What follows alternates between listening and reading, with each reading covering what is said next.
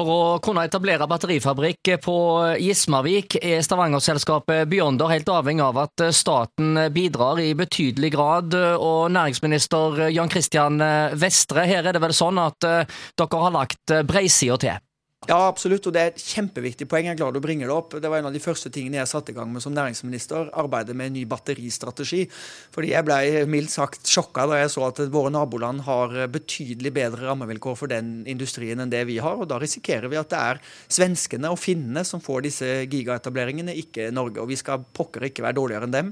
Så nå jobber vi med dette. Den strategien kommer i løpet av noen uker, og der vil det også være nye tiltak og virkemidler som vil bidra til at vi kan få flere sånne fabrikker fabrikker til Norge. Og Jeg registrerer jo med stor glede at Beyonder, som vurderte mange lokasjoner både i Norge, men også i utlandet, nå har valgt Haugalandet, fordi de sier at de har tillit til at regjeringen skal levere sin del av denne pakka. Og det kommer vi til å gjøre. Ja, og Der har vel òg eh, lokalpolitikere gjort en god jobb, for eh, der er det jo ferdig regulert. Alt ligger jo eh, til rette på en fantastisk måte på Gismarvik. Ja, det er helt sant. Og det arbeidet som er lagt ned på Haugaland næringspark, både av ildsjelene og drivkreftene der, men ikke minst kommunene her, næringslivet her, næringsforeningen. Dette har vært et, et, kjempegodt samarbeid, og jeg mener det er et forbildeprosjekt som resten av Norge kan lære av. Hvordan en skal være tidlig ute, hvordan en skal ha ting klart, hvordan man skal tenke helhetlig på dette. Slik at når det er store etableringer på gang, så kan vi si kom til oss, for her er alt klappet og klart. Her kan dere begynne å bygge nesten i morgen. Ikke så fort da, men nesten. Det kan være veldig viktig konkurransefortrinn for å få etableringer hit. Så igjen, Haugalandet går foran, men jeg er ikke overrasket over det.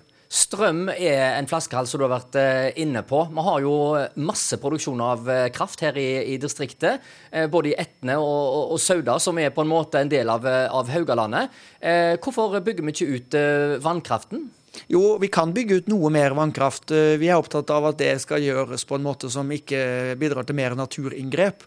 Men bare det ved å oppgradere eksisterende vannkraftanlegg, bytte ut turbinene, så kan vi få et par titalls terawattimer kanskje ut av det.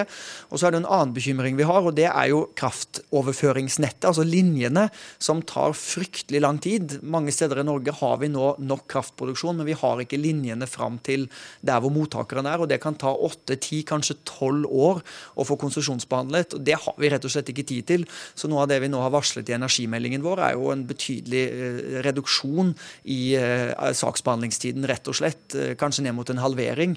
Ikke fordi at vi skal ta snarveier eller ikke lytte til mennesker eller ikke ta miljøhensyn, men, men det kan ikke ta ti år å få bygget ut en kraftlinje. Da taper vi kappløpet i det grønne skiftet. Ja, Det sier altså næringsminister Jan Christian Vestre fra Arbeiderpartiet.